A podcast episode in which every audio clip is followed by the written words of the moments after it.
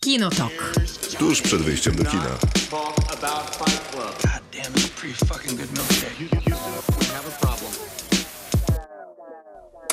Krzysztof Majewski. Miłosława Bożek. No i teraz mamy taki skład. Maciej Stasierski nieobecny. Pozdrawiamy go serdecznie, chyba słucha. Tak, powinien. Co miałby lepszego do roboty. Zapraszamy na dwie godziny wspólnie spędzone przy filmach i serialach. Program nazywa się Kinotok. Jutro będzie podcastem dostępnym absolutnie wszędzie tam, gdzie podcastów można w tym kraju słuchać.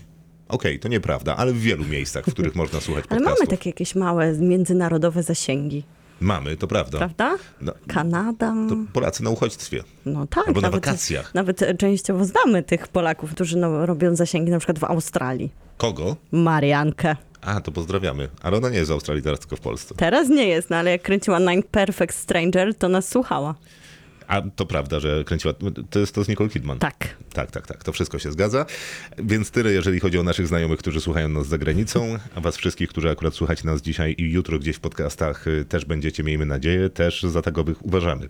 Dzisiaj w programie mamy parę y, ciekawych spraw do załatwienia, ale zanim powiemy, co dzisiaj będziemy recenzować, to powiemy o serialu, którego recenzować nie będziemy, ale obejrzeliśmy wczoraj mm, pierwsze odcinki. Ród Smoka się nazywa. A, tak, to zrobiłeś z nienacka. Tak.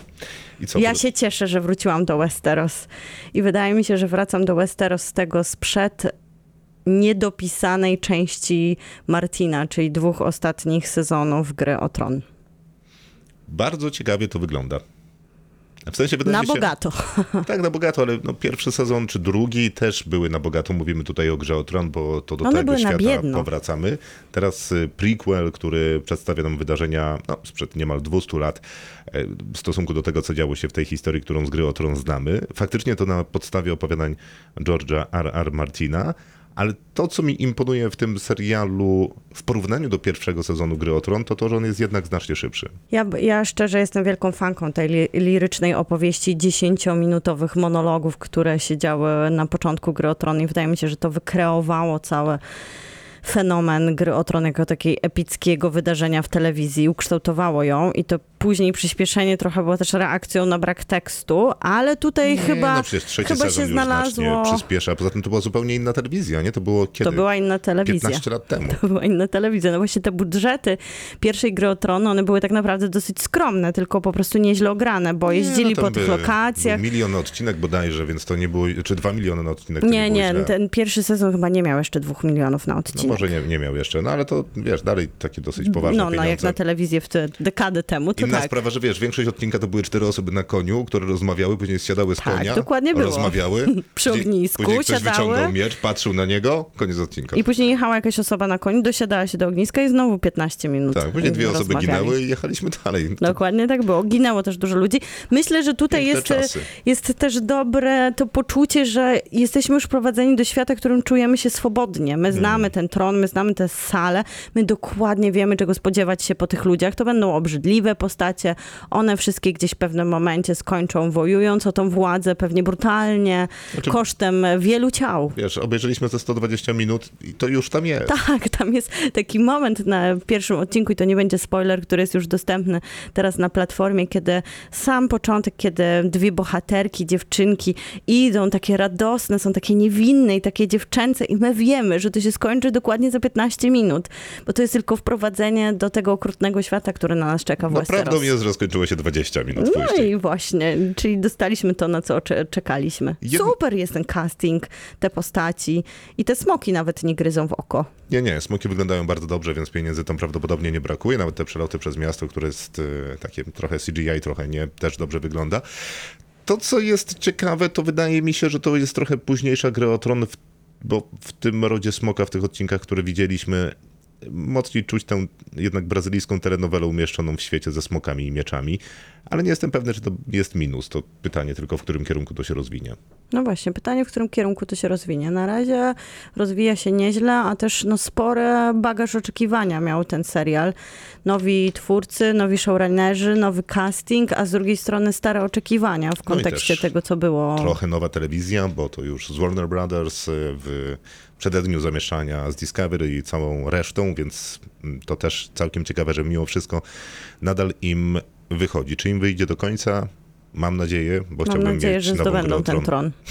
Ktoś na pewno go zdobędzie. Postaci świetne są faktycznie budowane. Zaledwie Super. kilkadziesiąt minut, a tam wszystko już wiadomo, kto jest kim i jaki. Oczywiście jeszcze się to pozmienia, ale jakby sz- szybko rozstawiają pąki, pionki i charaktery tych pionków na tablicy. Tacy z krwi i kości są, chociaż noszą tak. blond peruki, więc to nie powinno się udać.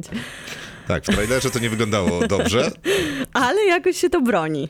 Dzisiaj nie będziemy rozmawiać o Rodzie Smoka więcej, no, chyba że w jakichś drobnych odniesieniach. Dzisiaj rozmawiamy o dwóch serialach, ale innych i jednym filmie, a zaczynamy od tego, który jest przyczynkiem do w robocie. Dzisiaj w robocie pytamy o sny, przejścia, inne światy i tego rodzaju rzeczy. Dlatego pierwszą recenzją jest przebój ostatnich dni na Przebój? Netflixie. Myślisz, że to przebój? No, był długo na pierwszym miejscu, później trzymał się w pierwszej piątce, chyba dalej tam jest. Nazywa się Sandman na podstawie Nila Gaimana. Mm, A czemu nie przebój? No, Netflix już się tak dzieli nieśmiało tym, że bardzo dobre recenzje zbiera, fanostwo się cieszy, ale te godziny oglądalności to nie są wyniki jak na budżet, który miał ten serial i jak na możliwości bycia hitem platformy. Nie osiągnął tego. No trudno, Netflix musi robić niedochod- niedochodowe Czasami, seriale, żeby nas tak, zadowolić. dokładnie. I trudno. Później przenosimy się na... To Warner robi ten serial, co jest ciekawe, porozmawiamy sobie chyba o tym. Chyba, że o tym rozmawialiśmy, mam wrażenie, nie? Na odcinku tutaj, myślisz? Na Nie, to z? Maćkiem rozmawiałem A. dwa tygodnie temu, jak właśnie Jak mnie nie było. chwaliłem się oglądaniem Sandmana, to właśnie, a to porozmawiamy o tym później. Będziemy recenzować też miniserial Czarny Ptak, który dostępny jest na Apple TV, z Taronem Edgertonem w roli głównej, jakże no ale to nie on jest najciekawszy w tym serialu, dlaczego to wszystko powiemy niebawem, a na koniec y, ty będziesz recenzować Nope Jordana Pila, jego najnowszy trzeci film, który trafił w piątek do kin. Kolejny z trylogii krótkich tytułów. Nope. Nie, po polsku A również. te wcześniejsze to... Uciekajmy i teraz nie. y, Uciekaj, czyli Get Out, a później Us, czyli my i teraz nie. No ale to ciekawe. Nie, Nie pomyślałem że krótkich jest to tytułów. dla mnie po prostu urocze. I- tyle. Zapraszamy do 24. Gdyby ktoś miał ochotę jeszcze dopisać coś w sprawie filmów czy seriali, które mają jakieś przejście, są inne światy, jest coś sennego, sen, czy coś w tym guście jest w roli głównej, to zapraszam. Kinotok. Film. W robocie dzisiaj dotyczące snów, przejścia innych światów. Dokładnie brzmiało sny, marzenia, przejścia, światy bliskie i wyśnione. Klimat Sandmana, zdaniem Marty, reprezentowany najlepiej jest przez prekursorkę Incepcji, czyli moją ukochaną paprikę i szósty zmysł, jako formę przejścia, czy też zawieszenia pomiędzy światami. Głosy absolutnie znakomite, szósty zmysł jasne, oczywiście, pewnie, super oraz fajnie. Natomiast paprika jest To ja mam w wskazaniem mojej liście. o tyle sympatycznym, że kompletnie o tym filmie zapomniałem, dopóki Marta o nie przypomniała, a przypomniałem sobie z dużą przyjemnością i polecam faktycznie zapoznać się wszystkim tym, którzy Incepcję zobaczyli, czyli prawdopodobnie wszystkim, którzy nas słuchają, a akurat jest dostępna w Polsce mm, na jednym z VOD, to proszę To tam ja zajrzeć i bardzo oglądać. często używam papryki jako przykładu, czy to kina azjatyckiego animacji, bo to, To prawda, przecież zawsze jak jedna... rozmawiamy z Miłką, to Tak. ciągle o paprice. Cały czas w kółko. Tak jest. Ja wszystkie jego produkcje, w sensie tego reżysera, bardzo lubię, bo zaczynał Perfect Blue, ale miał też świetny serial Paranoid Agent, który też gdzieś pewnie się wpisuje w ten, e, ten taki świat pomiędzy, no ale to pewnie do tego dojdziemy. Pewnie tak. Krzysiek mówi, że film Cena z, 2000, z 2000 roku z Jennifer Lopez nieco naciągany, ale zawsze podróż do umysłu psychopaty jako abstrakcyjnego i złożonego świata, gdzie główna bohaterka może się poruszać. Plastycznie zapamiętałem to jako bardzo zjawiskowe, ale po 20 latach boję się obejrzeć, żeby się nie przekonać, jak bardzo się zestarzało. Zawsze mi się wydawało, jak obejrzałem ten film, że on byłby ciekawszą grą niż filmem samym w sobie. Ja właśnie nie pamiętam tego filmu i to może świadczyć o tym, że za, nigdy go nie widziałam, bo to chyba nie jest taki film, który się zapomina, prawda? Nie wiem. Ja wiele filmów No zapomniałem. ale nie masz z celi jakichś takich fragmentów, pamiętasz. J-Lo w tych takich charakterystycznych Mam. strojach, więc wydaje mi się, że to by ze mną zostało, Mhm. więc chyba muszę się oficjalnie przyznać, że nie widziałam celi. Nie, nie jestem pewny, czy to jest taki film, do którego trzeba by znowu wracać. Ja tam lubię takie kiczowate produkcje, zwłaszcza J-Lo na dużym ekranie, więc może trzeba nadrobić.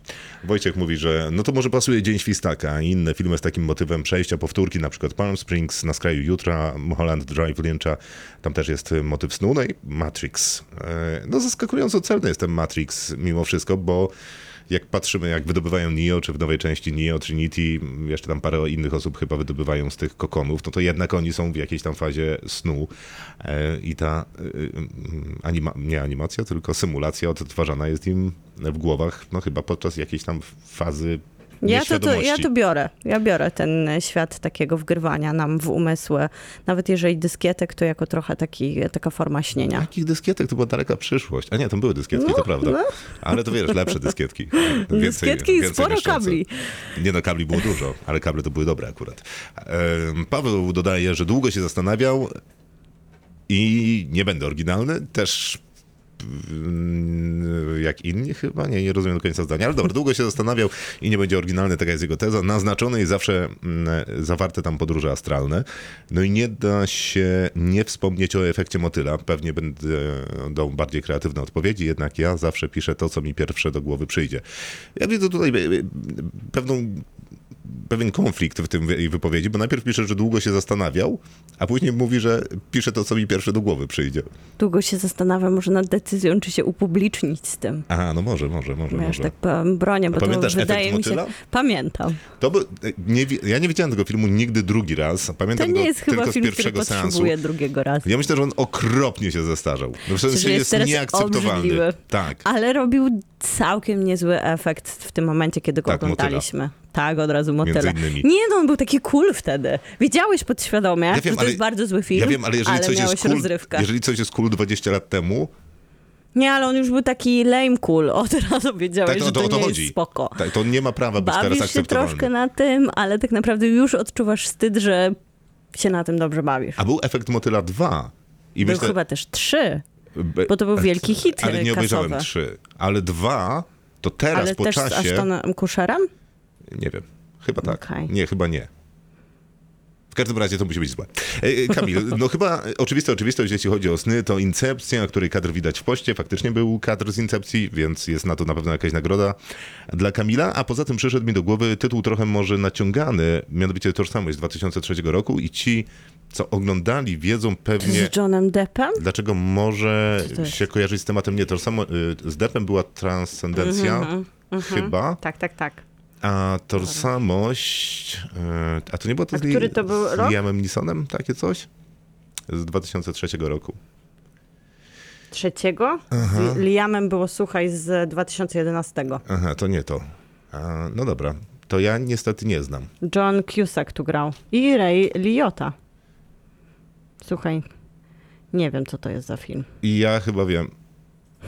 Z bólem to powiedziałeś. Krzysztof, to dosłowny ból. Poczekaj, no już, już, już prawie, nie, nie widziałem. Nie, nie wiem co to jest. No dobra, no ciekawe. Kamil wygrywa podwójną nagrodę.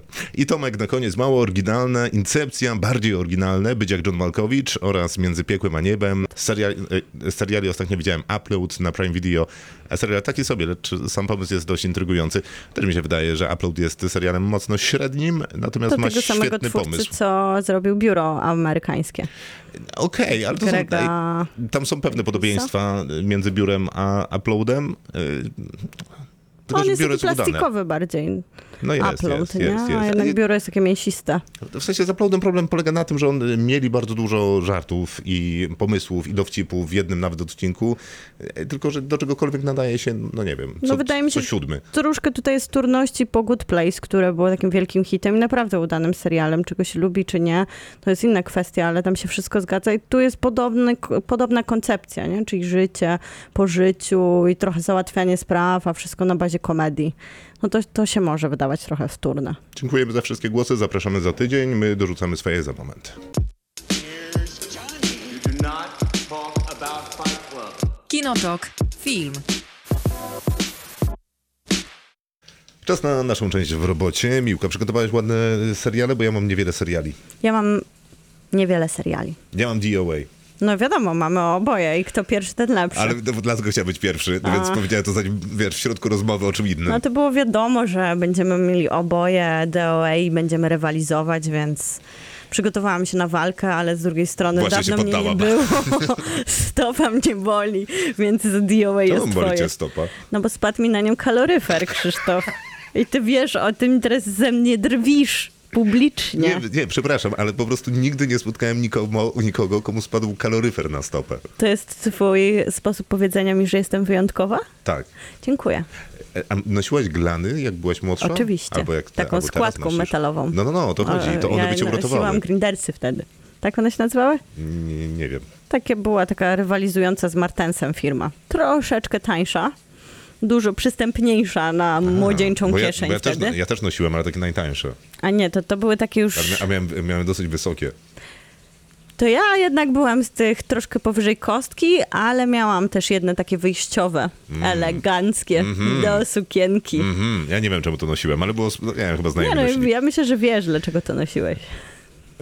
Tak? No tak, no taki był styl, taka była moda, to trochę była odpowiedź na, wiesz, młodzieńczy bunt. Ja rozumiem, za moich czasów nosiło się albo te, Albo trampki. no nie. Bo No, no w sensie, to, to było, trampki były opcją na lato tej samej stylówki, a druga stylówka to były adidasy, adidasy, adidasy, adidasy i szerokie kliniki. No tak. No. Jeszcze byli odważni, którzy ubierali sandały. No ale to nie wiesz. Pozdrawiam ich byli są, wszystkich. byli są i będą. Tak, nic się nie zmieniło od tego czasu. DOA to wyjątkowy serial, a propos tego, co mówiliśmy o Netflixie, ponieważ to jest jeden z tych odważnych projektów Netflixa, nie tak znowu wielu, Który zawiesił. który tak, faktycznie Netflix zawiesił, ale też ja nie chciałem więcej tego Oj, serialu to wcale. ja chciałam. Ja Jesteś lubię... prawdziwym fanem. Ja, Przegrałeś nie, myślę. prawdziwy fan właśnie szanuje to, co jest prawdziwe, a później to, co jest Wiemy, że. Brit Mar- Marling chciała więcej No, i napisała więcej. Okej, a tylko, To że sugeruje finał. żyjąc w jakichś realnych ramach, to wiemy, że Netflix by nie pozwolił już kontynuować tego serialu w ten sposób. Dlatego ja zawsze mówię, że DOA się jeszcze nie skończyło, bo za niedługo prawa do tego tytułu umrą i ktoś na pewno da przestrzeń Zalowi, Tak. ba- Batman i Brit Marling, żeby skończyli ten projekt. Tak, I wtedy i my będzie- wszyscy fani będziemy klaskać. Tak, to Albo i tańczyć. Crossover z Disneyem i będzie tam Baby Yoda. Niech tak będzie, skoro oni to napiszą, bo to na pewno będzie miało sens. Oni mają też bardzo mieli specyficzny sposób pisania tego serialu. Zaczęło się od Dźwięk mojego głosu. To wspaniałe, też takie kameralne, małe science fiction, bardzo na podobnych niuansach się rozgrywające, ale dużo mniejsze i bardziej tylko opowiadane. Nie przenosimy się do tych światów wykreowanych. One są bardziej w słowie niż w obrazie. Ale później oni sobie siedzieli razem, twórcy, którzy się znają już od studiów i sobie opowiadali historię. I te, które najlepiej im się opowiadały, zapisywali. A później tak samo wyglądał pitching Netflixa, który stał, trwał trzy godziny. Oni opowiadali tym wszystkim zaszokowanym ludziom, którzy byli przygotowani do zupełnie innych sytuacji pitchingowych. Opowiadali im swoją historię, no i w sumie opowiedzieli chyba na tyle dobrze, że dwa sezony się z tego narodziły. Normalnie bym powiedział, że to jest jakaś PR-owa gadka, to jak oni tworzą te swoje filmy i serial. Ale w ich wypadku nie jest. Wierzysz, proszę, wierzysz proszę się spotkać z nimi gdzieś w internecie, zobaczyć jak oni opowiadają o swoich projektach. E, I to nie jest jakieś ściganie dziwaka, tylko to jest ściganie ludzi, którzy mają niewiarygodnie dużo pasji do tego, o czym mówią i co najwyraźniej A robią. czy podjęłeś się oglądania serialu po raz drugi albo trzeci? DOA? Tak. No dwa razy tak, y, trzeci zacząłem, nie skończyłem. W sensie skończyłem pierwszy sezon tylko, no bo ja ten kolejny Ja wiem, że ty na tak, bakier jesteś bardziej z tym drugim. Mnie tak nie Ja cieszy. jestem na świeżo, bo ja mam takie, ewidentnie jak każdy ma swoje piosenki, które puszcza w kółko, to ja mam już kilka filmów i seriali, które nigdy się dla mnie nie, nie skończą i można zawsze co roku do nich wracać i bardzo płakałam. Myślałam, że już może jestem na tym etapie przejściowym, że już nie będę tak bardzo płakała, bo to już był czwarty raz. Płakałam równie bardzo. No właśnie ciekawy jest ten serial, że ja mam wrażenie, że przez to, jaką on formę przyjął i jak się opowiada i jak został wymyślony, to za każdym razem, kiedy Coś go oglądam, nowego. no już pomijając, bo, bo generalnie znam tę historię trochę na wylot, ale mam wrażenie, że on się dobrze starzeje, w sensie, że zyskuje ta forma im dalej jesteśmy od daty premiery. To w ogóle jest ciekawe. Więc e, jeżeli jeszcze kogoś nie przekonaliśmy w tym podcaście, który ma prawie niemożliwe. 3 lata do DOA, no to naprawdę jest najwyższa pora, żeby go obejrzeć. A jaki masz inny serial? Mam Twin Peaks, idąc za myślą o Davidzie Lynchu, Tak. to wiadomo, Mulholland Drive i w ogóle to jest jednak twórca bardzo konsekwentny i w swojej, fi- Na granicy światów. tak, i w swojej formie opowiadania i w takiej konsekwencji oniryzmu, który może nie brzmi najlepiej w kontekście opisu na Nowych Horyzontach, ale świetnie się sprawdza w filmach Davida Lyncha i Mulholland Drive faktycznie jest takim dosłownym filmem o śnieniu no ale Twin Peaks również jest dosłownym e, serialem o koszmarze. Mamy wspaniały odcinek Zen or the Skill to Catch a Killer, gdzie właśnie pojawia się ten pierwszy sen Coopera, który widzi ten słynny czerwony pokój. To już jest, no to już jest coś, co myślę, że wpisało się w popkulturę, nawet jeżeli ktoś nie zna tego serialu i jakoś ominął lata 90. i to wtedy był najpopularniejszy w ogóle serial w Polsce również, to zna tą czerwoną kurtynę i siedzącą tam Lorę i Coopera i wszyscy pamiętają, jak ona nagle zaczęła mówić na wspak do niego i coś wyszeptała mu do ucha. I no jest to taki, taki strasznie przeszywający, lękowy wyobrażenie snu. No i jednak człowiek bez rąk i no, słynna historia też, za, któ- która stoi za tym, jak Bob zdobył pracę, ponieważ był s- osobą, która sprzątała na planie i kiedyś, kiedy Lynch kręcił, odbił mu się ten człowiek w lustrze. I on to nakręcił, zobaczył i stwierdził, że to jest najbardziej przerażająca postać, jaką widział. I naprawdę to jest jedna z najbardziej przerażających postaci w historii telewizji. Znaczy ciekawe jest generalnie ze snami. Ja unikałem rzeczy jakoś bardzo dziwnych na granicy strachu i strachu, ponieważ sen i śnienie to bardzo często w filmie są koszmary, E, bo koszmary jakoś, no co, no mamy wszyscy doświadczenie z nimi, więc łatwo się to przekłada na telewizję. A sporo jest jednak e, tych takich mm, opowieści, które przenoszą nas do innego świata, które jednak są e, takie całkiem bajkowe. Gdzieś z tym elementem oczywiście strachu, lęku, leczenia traumy, przeżywania traumy. Był taki film, w sumie teraz mi się przypomniał, Most do Terabiti. Był. To opowiadało z kolei o, o jakby trudnym doświadczeniu dziecka, które przenosiło się do innego świata, żeby no, tam szukać e, jakby ukojenia. Co mnie super bawi w kontekście tego, że całkiem niedawno rozmawiałem z psycholożkami, które opowiadały mi, że y, przy okazji szczepień czy jakichś tam drobnych zabiegów ambulatoryjnych dzieciom zakłada się teraz gogle do VR-u po to, żeby ich przenieść do bajkowego świata i prowadziły badania, że poziom stresu, nie pamiętam o ile tam spada, ale o dużo, co akurat nie jest specjalnie niewiarygodne, no bo odwracanie uwagi od czegoś nieprzyjemnego generalnie pomaga, ale jak już wchodzi do tego VR i takie literalne przeniesienie do innego świata, to nagle zaskakująco się okazuje, że to działa. Dlatego podobały mi się te opowieści, o której chyba wszyscy najsłynniejszej słyszeliśmy i są to opowieści z Narni. No, w sensie ta prosta szafa i przeniesienie do innego świata, no to jest marzenie absolutnie każdego dziecka. Ja pukałem w tył mojej szafy. I to też nie są koszmary, bo wydaje mi się, że dużo Mimo, że łatwiej... tam jest przecież zły element. Tak.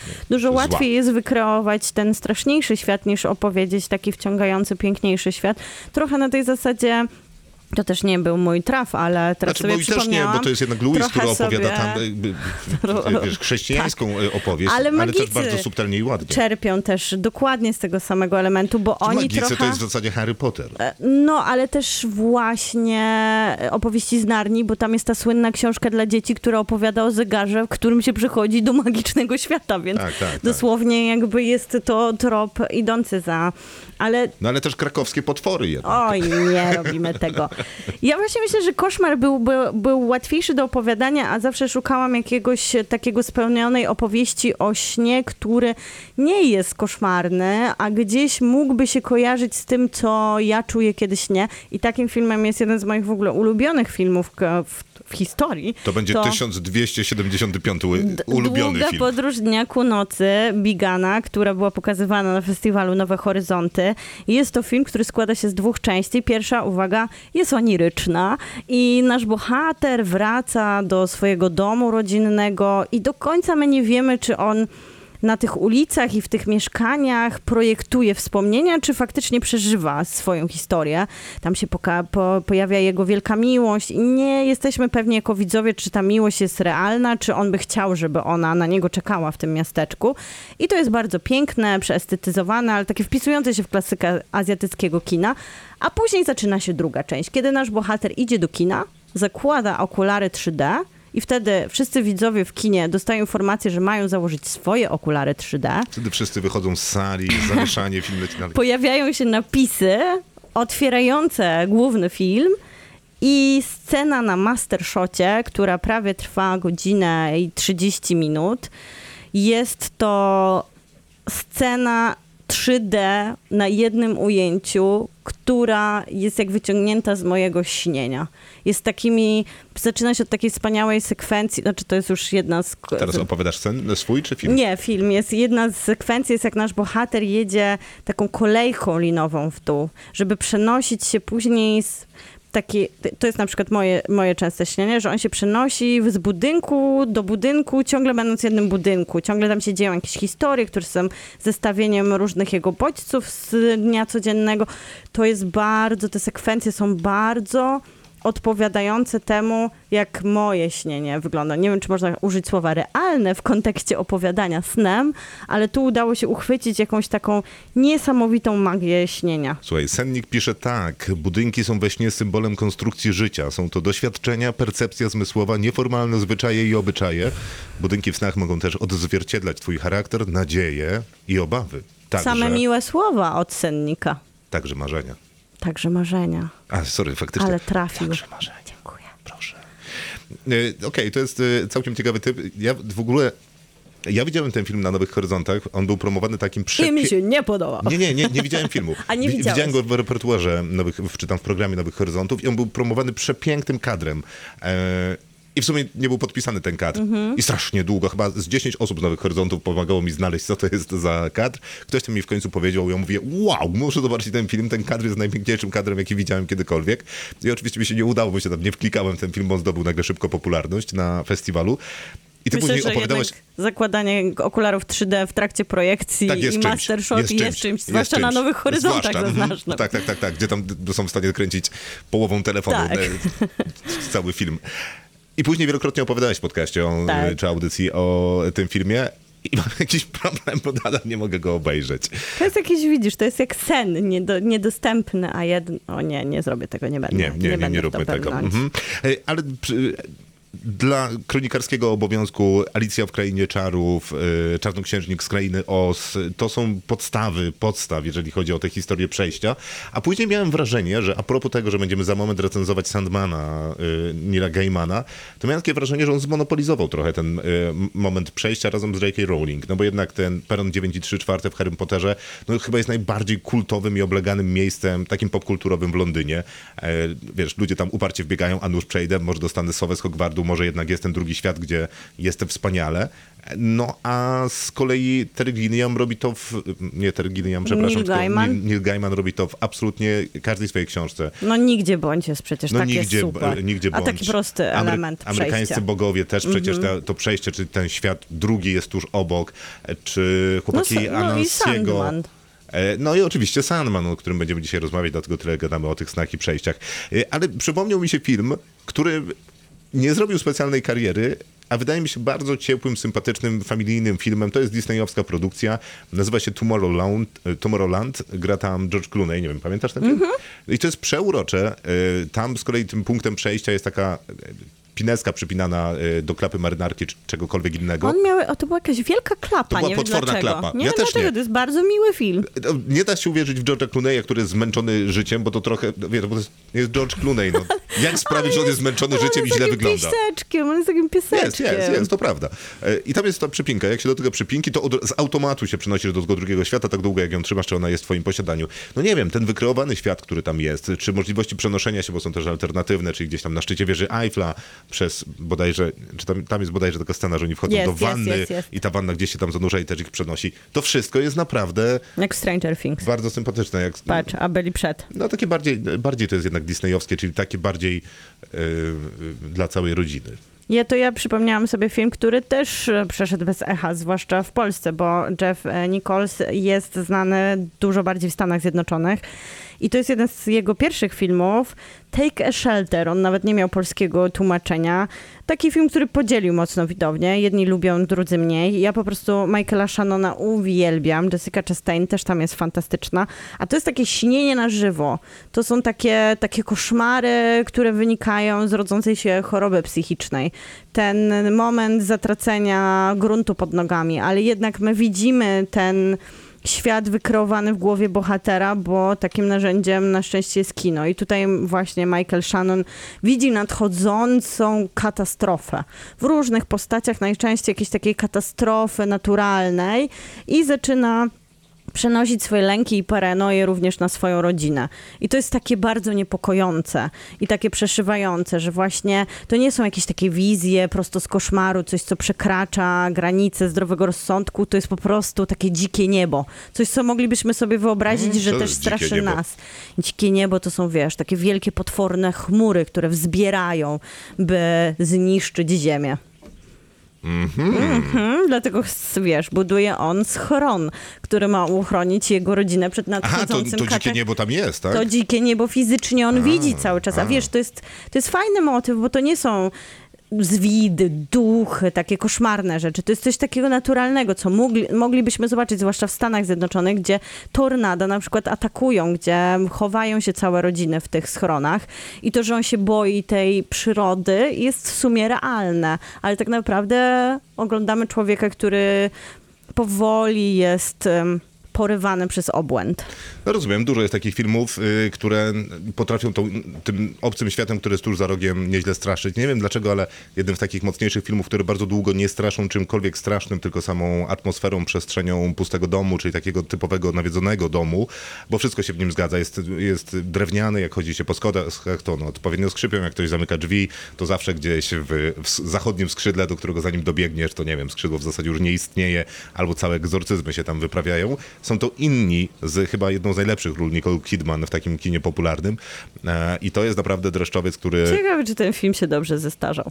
mógłby się dobrze zestarzeć. Mógłby, ale mógłby się też bardzo źle Bo zestarzeć. to na odrobina tego starsze, starszej cyfry, czy tam taśmy, y, mogłaby mu służyć. A to nie jest... E, to jest ten sam reżyser, co zrobił Szósty Zmysł? Nie, Nie? nie. Myślałam, że to ten sam reżyser, którego nie będę teraz podejmować wymieniania, wymieniania jego nazwiska, bo Dobrze. przegram. I ja sobie też przypomniałam taki film, który się nazywa Tamten świat samobójców. Jest to film stary z 2006 roku. Ja go pamiętam jako takie swoiste odkrycie. Jest to scenariusz oparty na Edgarze Kerecie i jego krótkim opowiadaniu i opowiada o świecie samobójców. Poz, poznajemy głównego bohatera, on dosłownie podcina sobie żyły, więc taki kontrowersyjny punkt wyjścia.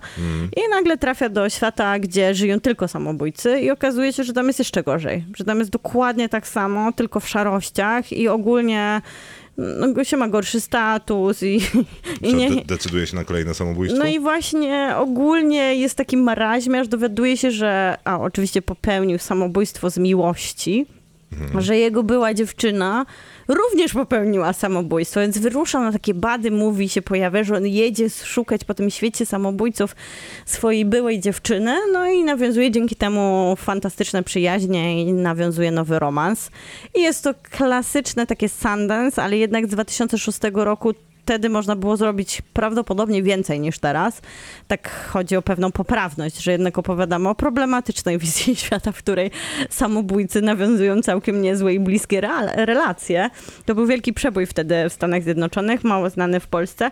No i bardzo fajnie jest pokazany ten świat samobójców, to przeniesienie tam, zwłaszcza z takim elementem humorystycznym, bo jest tam bohater, który jest oparty na faktycznym człowieku, który w ten sposób popełnił samobójstwo, na rockmanie, który oblał piwem swoją git- gitarę elektryczną w trakcie koncertu i zmarł. No tak, to się zdarza, ale to zaczyna, Ale to zrobił świad- świadomie, jako to zaczyna show. jednak brzmieć trochę jak... e, Jak się nazywa seria filmów? Jest kilka serii filmów. No, ta seria filmów, Zmierz? e, że nie wsiadają do samolotu i wszyscy po kolei... A, oszukać przeznaczenie. Tak, to trochę tak brzmi, tylko w drugą stronę. Jednak myślałam, że zmierz, Krzysztof. E, Filmy przejścia jeszcze. E, Jumanji oczywiście, najwspanialsze chyba przejście, jakie można, czyli przejście do gry. Parnassus, człowiek, który oszukał diabła, Terego Gilliama, ale Ter Gilliam to generalnie mógłby być tu odmie- odmieniany przez przypadki, bo jakbym się um- uparł z interpretacją, to pewnie Brazil też mógłbym tu No podciągnąć. pewnie, ja nawet się zastanawiałam. E, Ale najpiękniejsze przejście, jakie było i było filmowe i też na podstawie Nila Gaimana, to był Stardust, bo nie wiem, czy pamiętasz, tam, żeby przejść do magicznego świata pełnego przygód i żeby przynieść gwiazdkę z nieba, Z nieba. swojej ukochanej, wystarczyło Albo- przejść przez e, kamienny murek, w którym była dziura, a murek generalnie to miał z pół metra. Tak wyglądał To ten jest murek. przeuroczy film, który wszystkim polecamy. Za moment wracamy z Sandmanem? No wracamy z Sandmanem. Ja chciałam jeszcze coś dodać, ale kropka.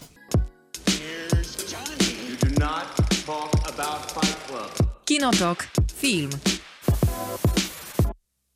Serial nazywa się Sandman, dostępny jest na Netflixie w całości i z bonusem. Tak, to pojawiły się zupełnie znienacka, bez zapowiedzi, dwa dodatk, no jeden długi od- odcinek dodatkowy, który jest takim rozwinięciem jednej z opowieści, w której troszkę mogą się pojawić nowi bohaterowie, bo ta opowieść jest taka wycięta z tej dosyć spójnej całości 10 odcinków, które otrzymujemy od Netflixa, a oczywiście jest to, no tak jak już wcześniej mówiliśmy, adaptacja komiksów Nila Gaimana z lat 89-96.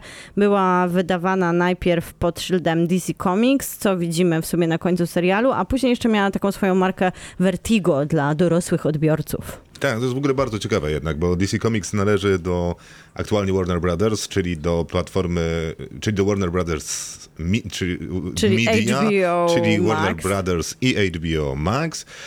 I Jeszcze Discovery, Dokładnie. które teraz mm, zastąpi HBO Max i będzie Discovery Plus. E, Przynajmniej takie były ostatnie doniesienia, więc możliwe, że tak właśnie będzie. E, No i to I jest, to jest o tyle. Specyficzne, że jest na Netflixie, a, a nie jednak na HBO. No, jest to mega dziwne. Jest to bardzo dziwne, To było pierwsze jakby bo to takie... jest jednak świat, w którym Sandman może spotkać Batmana. Mógłby. Mógłby. W sumie Sandman może spotkać każdego, ale jak najbardziej z uniwersum DC, więc Nie, nie, ale to, to żeby nie? to było w kanonie jakimś tam Tak. utrzymane, to chyba mogłoby być. Pewnie no jest to bardzo dziwne. ktoś wielki fan Ale komiksu. nikt tego nie za bardzo, tu, nie, nie ma jakby wytłumaczenia nigdzie. Albo jestem... Pewnie można by się dokopać tak, tam jakiegoś czegoś związanego z wykupowaniem praw, licencji i nie wiadomo czego jeszcze, no ale chyba bym się bardziej zdziwił tylko jakby to Apple TV pokazało. Plus, oczywiście. O, Hollywood od wielu lat chciał zekranizować Sandmana, który był hitem komiksowym, cokolwiek to pewnie dla wielu znaczy, ale naprawdę był świetnie sprzedającym się wydawnictwem i no i się nie udawało. Nie udawało się z różnych powodów, czy to finansowych, czy wizji. Neil Gaiman oczywiście tutaj jest producentem wykonawczym, miał sporo przestrzeni takiej twórczej, a on przecież zasłynął tym, że Nigdzie Bądź, o którym wcześniej wspominaliśmy, to był serial dla BBC i dopiero na podstawie serialu Neil Gaiman napisał książkę, więc już potrafił nieźle w seriale. Stał się nawet dla niego punktem wyjścia jednej z jego takich bardziej poczytniejszych książek. Znaczy Neil Gaiman to chyba jest jakaś taka absolutnie gigantyczna ikona popkultury, no bo pomijając książki, o których mówiliśmy wcześniej tego autora, pomijając Sandmana, o którym mówiliśmy, pomijając współpracę z Starym Preczetem przy wielu różnych y, pracach, to też taki wy, wybitny i super znany angielski nieżyjący już pisarz, y, odpowiedzialny za świat dysku, y, no to jeszcze pisał przecież to, pisał książkę dla swoich dzieci, więc Tak. też y, Kar- docelowo... ko- Koralina. Koralina, ale pisał też coś tam z cmentarzem, nie pamiętam jaki jest tytuł. Może to była Koralina? Nie, nie był, to było coś nad cmentarzem? No, nie pamiętam. W każdym razie też świetna książka, tam zresztą się pojawia Smok Wawelski w tej Mhm. książce, więc to już w ogóle jest jakiś taki polski akcent sympatyczny. No więc to jest y, jakaś kompletna ikona popkultury. Jest. Adaptują go na potęgę, no przecież amerykańscy bogowie, nigdzie bądź ekranizowane. Chłopaki Nansiego to nie jestem pewny, ale No, chyba nic ale innego. Gwiezdny Pył, który wspominałeś, Tak, Gwiezdny Oscarowy chyba, bo tam były jakieś nominacje. Nominacji na pewno było trochę, pewnie jakieś Oscara dostał, ale też Gwiezdny Pył został wydany przez BBC w formie słuchowiska. To też Sandman, który myślę, że... Przepięknego zresztą. Ale to nie BBC, tylko Audible. Audible. Audible, ale to akurat 2000 BBC wydał. Znaczy, bo BB, dla BBC No może daje tylko antenę, a oni generalnie wszyscy są A skonstruowani myślę, tak, że to w ogóle jest wypełnia. dosyć ważne w kontekście tej adaptacji serialowej, bo dużo tutaj przebrzmiewa z tego słuchowiska, gdzie James McAvoy był samym bohaterem i Sandmanem, ale same znane nazwiska przez Andiego Serkinsa jako Mafiu na Tak, przykład. tak, bo oni to robią jako superprodukcje, które bodajże na święta wypuszczają. I jest fantastyczne to słuchowisko. Mało z nich nie jest. Krzysztof, muszę ci przyznać rację. Tak, je to, tak to wygląda. Y, Sandman jest o tyle ciekawy, że jak powiedziałem y, mojej partnerce, że będę oglądał Sandmana, to ona się ucieszyła bardzo i spytała dlaczego. No ja powiedziałem, że wpadł na Netflixa adaptacja Nila Gaimana. Ona mówi niemożliwe że to jest adaptacja Nila Gaimana i tak się wymienialiśmy, myśląc o dwóch zupełnie różnych A o czym produkcjach. ona myślała? No ona myślała o Piaskowym Dziadku, czyli o niemieckiej bajce, która była O. pokazywana w Polsce. I powiedziała, że niemiecki dziadek sypał jej piaskiem w oczy i ona zasypiała. Wow! Ja nie znam niemieckiego dziadka. E, To jest Piaskowy Dziadek, Piaska z Niemiec. ale to, bo to jest niemiecka postać w ogóle. Ten, Ale ona była w sensie taka z, zaadaptowana. fol, z folkloru. Ale była zaadaptowana w jakąś kreskówkę, czy to się opowiadało i czytało? Nie, no to była taka dobranocka. Animacja, a, Taka kukiełkowa. ojeju. A Sa- Sandman, czyli Piaskowy Dziadek y, w Niemczech, to jest jakaś tam postać y, No w sumie folkloru, Sandman tak jak jako tam, Morfeusz czy też, też dmucha piaskiem w oczy i zasypiasz. No tak, tak, więc y, nie mogłem wy- wyrzucić. No musisz zobaczyć. Proszę zobaczyć, jak Nie wygląda chcę, nie chcę. piaskowy dziadek Nie niemiecka animacja. I później wyobrazić sobie, że obejrzałem to najpierw, a później oglądałem Sandmana, mrocznego emo półboga nieskończonego. Jak on sypiał komuś piaskiem w oczy, no to ja łukałem ze śmiechu. Co za dualizm. Nie chcę widzieć Tak, niemieckiego tak. piaskowego no nie dziadka. musisz, to jest, nie, wiesz, to jest oryginał. Nie chcę. Ogl- będziesz oglądać, zaraz będziesz oglądać piaskowego dziadka. To jest ekranizacja dwóch pierwszych tomów. Tak. Czyli mamy Preludia i Nokturny i Dom Lalki. I myślę, że dla większości fanów to jest bardzo solidna ekranizacja. To prawda, jednocześnie ekranizacja dwóch pierwszych akurat y, albumów jest w dwóch oddzielnych sezonach. Jest dużym problemem tego serialu, być może jedynym. Ja myślę, że ten serial ma mało problemów. No to jest problem. W sensie y, widać bardzo wyraźną różnicę pomiędzy pierwszą częścią serialu, między pierwszymi pięcioma odcinkami i kolejnymi pięcioma. Raz, że to ma inny ton, raz, że ma zupełnie inną historię. Ale dobra, ale zeszytowo też tak było i słuchowiskowo dokładnie też tak było i to chyba się nieźle, dla mnie przynajmniej, balansowało. Ta pierwsza taka fantastyczna opowieść, która cię wprowadza w te światy, które nie kończą, są się niewyczerpane, a później schodzimy na ziemię do tej obleśności, ludzkości, a z drugiej strony tam jest ten creepy element familijny, który się pojawia Znaczy, w tej gdy- całej gdyby jeszcze było wspaniałej... Tak, gdyby było tak, jak powiedziałaś, to wszystko byłoby dobrze, ale tak nie jest, bo w drugiej części wychodzimy jeszcze bardziej w światy nieskończonych, w jakieś, wiesz, magiczne wiry i tego rodzaju rzeczy. Nie to jest mój problem, o czym ten serial opowiada. To jest historia, która jest wzięta z albumów i w porządku.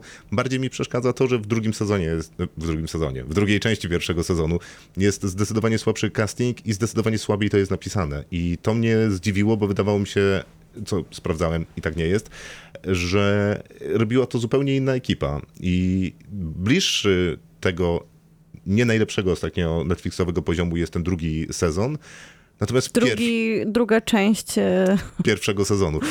Natomiast ta pierwsza jest niespodzianką niewiarygodną. W sensie to jest, to jest czysta radość y, A serialowa. to, to ciekawe, bo ja miałam chyba trochę na odwrót, może ze względu na to, że jestem tak na bieżąco ze słuchowiskiem i ta pierwsza część jest dla mnie taka rozmiękczona, rozmiękczona świadomie, żeby jednak nie epatować aż taką przemocą i brutalizmem, jak robiło to słuchowisko, które jednak w słowie sobie może na więcej pozwolić i w dźwięku, niż jednak obraz, który ma być komercyjny i ma zdobyć miliony widzów dla Ale daj stacji. spokój. No w drugiej części główną bohaterką jest dziewczynka, która ma wielką moc i będzie walczyć z nieskończonym, który chce przejąć e, wszystkie sny, w sensie zanihilować ją dla dobra, powiedzmy, większego dobra.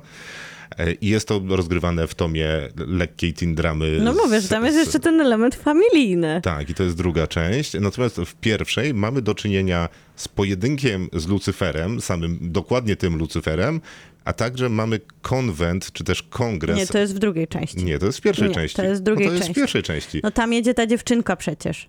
Dziewczynka jedzie na spotkanie morderców. No okej, ale to jest y, y, pierwszy, to jest ostatni odcinek kończący tę historię przecież. Nie no, ona, ci mordercy są dopiero jak spotyka brata. To jest już dokładnie jakby na tym opiera się cała piątka finałowych odcinków na spotkaniu morderców, a przy okazji na Czerwonym Rubinie, który ogólnie maltretuje bohater, którego posiada cały diner.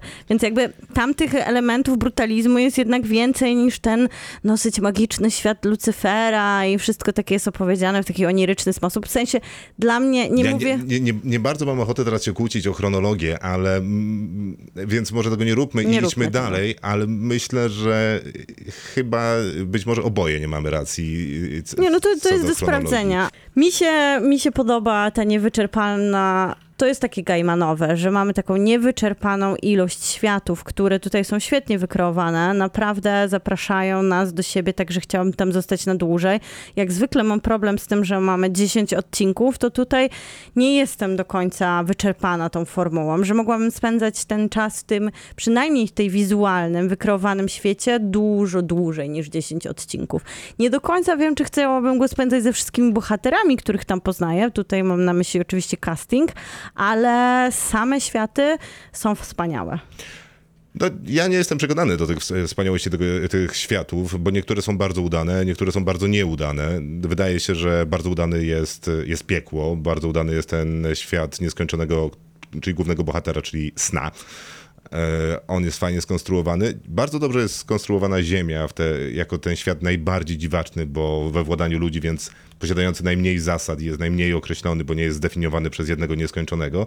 Natomiast te pozostałe światy mnie jakoś specjalnie nie powalają. I znowu, zwłaszcza w drugiej części, gdzie pojawia się ich jednak nieco więcej, bo podróżujemy trochę z wirem po różnych mm, lokacjach, one już nie wyglądają, już pomijając, że być może nie wyglądają tak dobrze w obrazku z powodu efektów specjalnych, już to nawet zostawmy, co wydaje mi się, że wiem, że to będą, że to jest taki trochę pusty zarzut, bo zawsze będzie można go odwrócić, że skoro to były kolejne sny, to to były kolejne rzeczy, które ja już widziałem i to wydaje mi się, że całkiem blisko. I że zawsze będzie można powiedzieć, no ale to były sny, no to ludzie śnią o tym, co już widzieli, więc bla, bla, bla, bla, no ale nad akurat światami można pracować i robić je ciekawiej, no przecież świetnie pokazuje to piekło. Ja tam na przykład nie jestem największą fanką piekła, widzisz, więc tutaj jest spora przestrzeń do... A czego e, jesteś fanką? No ja jestem fanką tego zapraszania w ogóle do światów jako takiej otwartej przestrzeni. No Czy to do którego świata? wszystkie światy mi się podobają. Mi się podoba, że Jak to jest takie duże. No nie, że mi się nie podoba, ale nie jest moim ulubionym miejscem, w którym spędziłabym najwięcej czasu z tej palety możliwości na mapie. Nie mówię, że to nie jest miejsce, które mi się nie podoba. Po Znaczy, prostu z nie jest. definicji się nie podoba, ale... O, nie jest swojskie, ale podoba mi się Nie. w ogóle zbudowanie tego, tej mapy możliwości. O to mi chodzi, że to jest Czy naprawdę podoba ci się, że taki otwarty, tam być wiele światów, tak, które mogą być fajne? Tak, taki to, tak, to mnie świat. też się to podoba, tylko nie, nie wszystkie są fajne. No wiadomo, to często tak bywa z takim multiversum, że zawsze się odbijemy, ktoś znajdzie się lepiej w tym, a ktoś lepiej w tamtym świecie. No właśnie, Ale w ogóle jest- to zaproszenie mi się podoba i to w serialach, jak w filmach ostatnio, bo mamy jednak DC, Marvela i ta multiversum światów jest modne i dostajemy je również w animacjach, to tutaj to zadziałało. To może nie było świeże, ale z perspektywy samej opowieści było super. A co do niektórych elementów, od których się odbijałam, ja się też odbijałam od nich w zeszytach i odbijałam się w słuchowisku i po prostu to jest bardzo taka solidna adaptacja, więc te momenty, które nie działały również dla mnie w trakcie czytania czy słuchania, również nie do końca działają tutaj, ale wydaje mi się, że oni musieli opowiedzieć historię, zwłaszcza jeżeli ten Neil Gaiman stał w tle, w taki sposób, żeby oddać szacunek materiałowi, z którego czerpali. I tu się udało, więc czyli są momenty, w których nie jestem tak w 100% zaangażowana, są, ale zupełnie miałam podobnie w oryginale. Ja nie miałem specjalnych problemów z, z oryginałem, ale też y, nigdy go y, nie przeczytałem w całości. Natomiast y, to było ciekawe, że no, kompletnie nie pamiętałem oryginału, więc musiałem nawet wygrzebać go gdzieś z własnej półki e, i z pewnym zdziwieniem odkrywałem, że jednak pamiętam wszystko. Mm, Ale to może za sprawą serialu, który faktycznie dosyć sprawnie odświeża y, i dosyć tak literalnie i dokładnie to, co jest w komiksie. Imponuje mi też to, jak bardzo produkcji udało się oddać ten komiksowy świat, że to jest komiks, ale to nie jest Marvel. I to jest bardzo przyjemny oddech, że w świecie zdominowanym przez Marvela i DC, mimo że to też jest DC, to oni jednak mają swój własny styl, który wymyślili na potrzeby tego serialu, bardzo konsekwentnie się go trzymają i mimo, że serial waha się momentami gdzieś między teen dramą, bardziej w drugiej części, emo opowieścią w bardziej pierwszej części, a po środku jest czymś takim e, idealnie dziwacznym, co mu najbardziej No właśnie, odpowiada, i z jest czym jest naj- mu najbardziej do twarzy. chyba.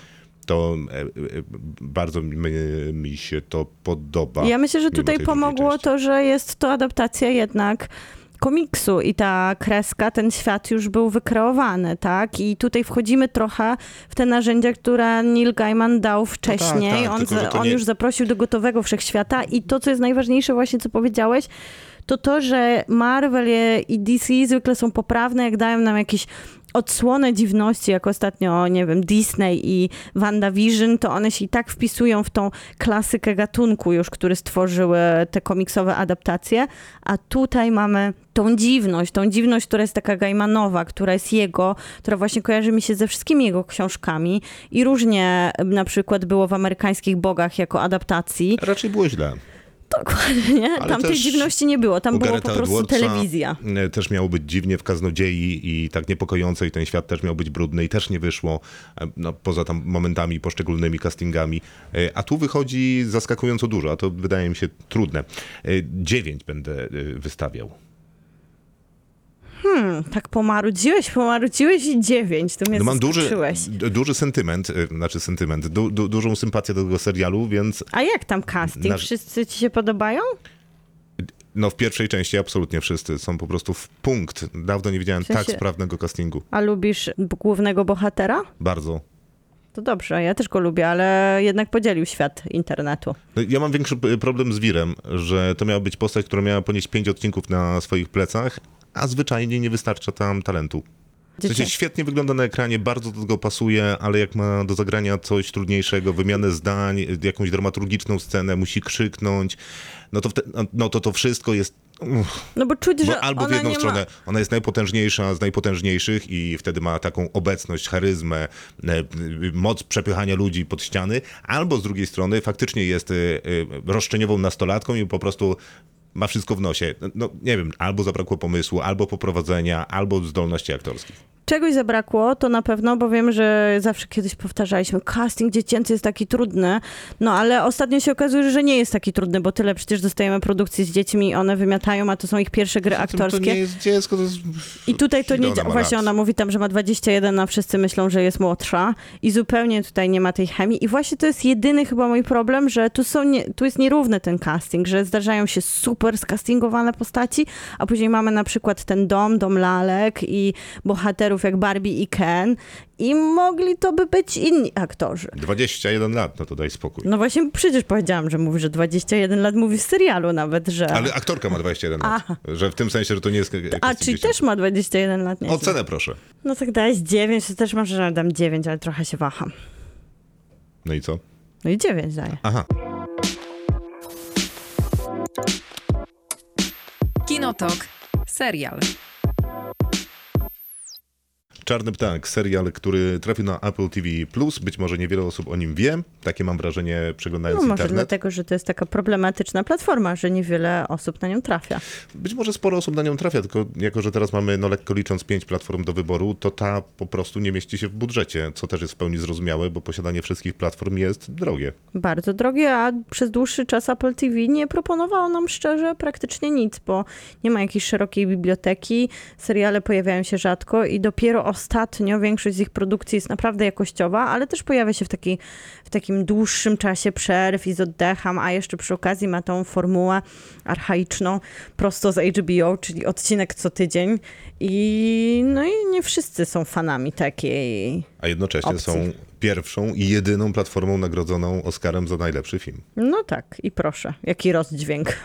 Ale nie wiem, czy to jest sytuacja na całym świecie taka panuje, w sensie, że Apple TV się tak słabo ogląda. Myślę, że w Polsce po prostu to nie jest Ja platforma, wiem. do której się udajemy. Ja się niespecjalnie dokopałem liczb e, e, odnośnie tego, jak Apple TV jest oglądane, ilu ma, ilu ma subskrybentów, no ale oglądając e, portale, w których, na których pisze się o filmach i mówi o filmach, no to po prostu niewiele mają po prostu dyskusji na, na swój temat, niewiele ludzi o nim piszą, nawet niewiele wątków na Twitterze można znaleźć na ten temat, więc stąd jest ta e, teza, że niespecjalnie chętnie jest oglądany. Ale dobra, Czarny Ptak, miniserial, e, króciutki, co jest To jest coś, za czym tęskniliśmy. Krótki miniserial, Zwykły, coraz mniej zwykły sześciodcinkowy mniej miniserial. Czy ja Coraz proszę o tak wiele?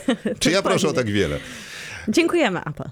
Jimmy Keen y, rozpoczyna dziesięcioletnią odsiadkę. Dlaczego rozpoczyna? No bo miał pecha. Takiego pecha, że w życiu wybrał... Czekaj, powiedzmy, że zanim pięknie opowiesz tą historię, to że to jest prawdziwa historia na podstawie książki I'm with the Devil, a Fallen Hero, a Serial Killer and a Dangerous Bargain in for Redemption. Tak się nazywa książka, a nasz bohater jest prawdziwy. Dobra, to skoro jednak zaczynamy od tej strony, to wspomniany Jimmy Keen, e, o którym właśnie zacząłem opowiadać, nie, nie, już skończę. Jimmy Keen rozpoczął tę dziesięcioletnią odsiadkę. Rozpoczął, bo ma pecha, bo e, zajmował się złymi No decyzjami. z złymi decyzjami w życiu. Tą złą decyzją polega na tym, że handlował e, narkotykami. Głównie tymi takimi rozrywkowymi, nieciężkimi najcięższymi narkotykami, no ale nie jest najprzyjemniejszym y, z ludzi, jaki istnieje z tytułu wykonywanego zawodu, ale za to jest takim człowiekiem, że mężczyźni go uwielbiają, a kobiety kochają i to momentalnie. Wygląda najlepiej, jak można wyglądać, no i sobie żyje, dopóki nie trafia za kratki. W dodatku trafia za kratki na 10 lat zamiast na znacznie mniej, no bo się prokurator uwziął i jednak go wmanewrował, że miał być układ, ale układ się nie udał. No i mija chwila, i to niedługa, i FBI z prokuraturą zgłasza się do niego ponownie i mówi, słuchaj, nie musisz siedzieć w tym więzieniu, możesz siedzieć w znacznie gorszym więzieniu, a w zasadzie najgorszym, jak jest dostępne, w kompletnym piekle, do którego wyślemy cię, żebyś zapoznał się z diabłem. Z diabłem z kolei jest y, człowiek, który jest podejrzewany o wielokrotne morderstwa i wielokrotne gwałty na młodych kobietach. Natomiast sprawa, która doprowadziła do jego osadzenia w tym piekle, jest poszlakowa, a apelacja ma być zaraz. No i tak się składa, że prokuratura ma na tyle słabe dowody, że ta sprawa w apelacji upadnie, a on wyjdzie na wolność. No więc nasz bohater, e, Jimmy Keen, dostaje taką możliwość, że jak przeniesie się do tego piekła i wyciągnie z niego zeznania, przyznanie do winy albo wskazanie, gdzie zakopał ciała, no to, wyrok będzie jest wolnym umorzony. człowiekiem. I teraz uwaga, bo to jest bomba, która wysadziła mi mózg po pierwszym odcinku, kiedy przeczytałem, że Jimmy Keen jest producentem tego serialu. No, to jest właśnie człowiek, który opisał naprawdę swoją historię. A To jest niewiarygodne. A teraz e, często też pomaga przy okazji różnych spraw związanych z e, właśnie schwytaniem albo uziemieniem już schwytanych morderców, bo wie To się jak nie kłamać. dzieje. Naprawdę.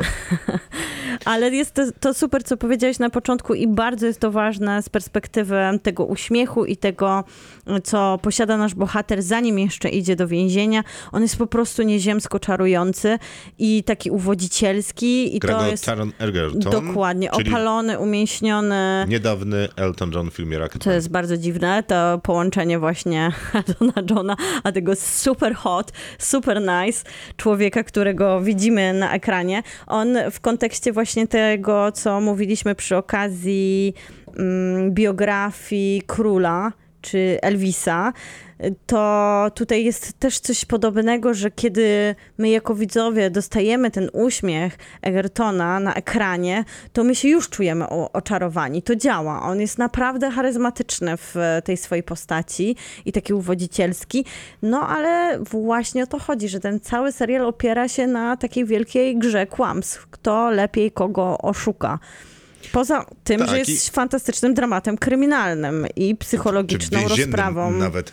Świetnie podsuwa serial w budowaniu postaci takie drobne przesłanki a propos tego Jamesa Keena, żebyśmy uwierzyli w to, że on jest człowiekiem, który faktycznie jest super charyzmatyczny. Każdy chce z nim porozmawiać i opowiedzieć mu historię swojego życia, bo czasami będzie to jego ojciec, czasami będzie to strażnik więzienny, czasami będzie to ktoś z FBI, który w istotnej rozmowie dla rozwoju fabuły gdzieś wtrąci tylko takie małe zdanie, że hmm, ciekawe, zaobserwowałem, że kiedy rozmawiasz tam z innymi więźniami, to e, mówisz do nich entuzjastycznie tylko przez chwilę, a później zostajesz i słuchasz, jesteś świetnym, aktywnym słuchaczem, być może to jest ta twoja metoda na sukces, bo co by nie mówić, postać Jamesa Keena to jest... E, no to jest, sprzedawana nam jest jako postać e, sukcesu. No akurat w narkobiznesie, więc dosyć jakby fatalny z perspektywy społeczeństwa, ale jednak y, człowiek, który osiągnął duży sukces, który jest zestawiony z Paulem Walterem Hauserem. Posta- y, to jest aktor, który gra Larego Hilla, Hala, wspomnianego e, podejrzanego o gwałty i morderstwa, który jest postacią która no, jest trudna społecznie. W sensie mówi specyficznie, wygląda bardzo specyficznie, zajmuje się rekonstrukcjami wojen secesyjnych i zresztą innych też. Y, I to, co jeszcze jest ciekawszego w tym serialu, co dodaje mu ciekawego twistu, który zdaje się, że chyba wcześniej w żadnych kryminałach się nie pojawiał, on jest bardziej podejrzewany o to, że, niż o to, że jest seryjnym zabójcą, o to, że jest seryjnie przyznającym się do winy Seryjnym kłamcą. Seryjnym, y, tam, oni to nazywają jako serial confessor, że to będzie, będzie się przyznawał do winy po to, żeby zwrócić na siebie swo- y, uwagę otoczenia, ponieważ nic innego być może w życiu do zaoferowania nie miał, niż to, że Albo jest po prostu super przebiegły. no właśnie, i to jest ciekawe, bo tak y, dwojako idzie śledztwo, nie? że z Tak. jednej strony jednak podejrzewają go o to, że on po prostu przyzna się do wszystkiego po to, żebyśmy z nim siedli i pogadali, ponieważ nic innego ciekawego do zaoferowania Bo jest właśnie tą trudną społeczną postacią i traktujemy Dokładnie. go w nawiasie cały czas. No albo jest takim cwanym, y, szczwanym lisem. Noszącym maskę człowieka, Który- tak. który nie rozumie niby świata. Tak, ja roz, rozumiem go doskonale, bo jak przyzna się do wszystkiego, to okaże się, że jest winny niczego. No i tutaj I tak w zasadzie wypada ten jego, wypada jego historia, no bo on faktycznie wyjdzie z tego więzienia mm, dzięki tej apelacji, no gdyby nie tam olbrzymie zaangażowanie naszego bohatera. w, zas- w zasadzie wybranych osób z prokuratury i FBI, którzy zdecydowali się tę sprawę otworzyć na nowo, jeszcze w taki no, mocno kontrowersyjny sposób. No tutaj chyba właśnie największą siłą tego serialu jest ta rozgrywka aktorska, która jest pomiędzy Egertonem a No tak, tak, Polem jasne. Walterem Hausnerem, którzy grają takimi nieoczywistościami, że z jednej strony ten jest uwodzicielem, ale jest super inteligentnym i przebiegłym kłamcą, który stara się zyskać, a z drugiej strony niby ma jakiś kod moralny, bo ciągle jest ten amerykańskie wracające e, echo patosu, że najważniejsza jest rodzina, że jednak są jakieś zasady moralne, nawet w tym świecie jakim pr- przestępczym Znaczy, i on- pewnym on się- przemocy. On się bo to wydaje jest, zupełnie to normalny. jest dobry chłopak. Tak, tak. Który W sensie ma, w ten- popełnił pewne złe wybory. Tak, w tym kontekście wiemy, że jest w więzieniu, jest osadzony, bo jest winny, ale tak naprawdę to dobry chłopak jest, a później mamy tego Paula Waltera Hausnera, który jest, no właśnie, taką, o, taką postacią, która gdyby nie grał ten aktor jej, to można by ją było zrobić w bardzo przewidywalny sposób, bo od początku wiemy, że on jest odpowiedzialny za te morderstwa. To nie jest taki kryminał, gdzie jest zagadka, gdzie jest pytanie, czy to on to zrobił.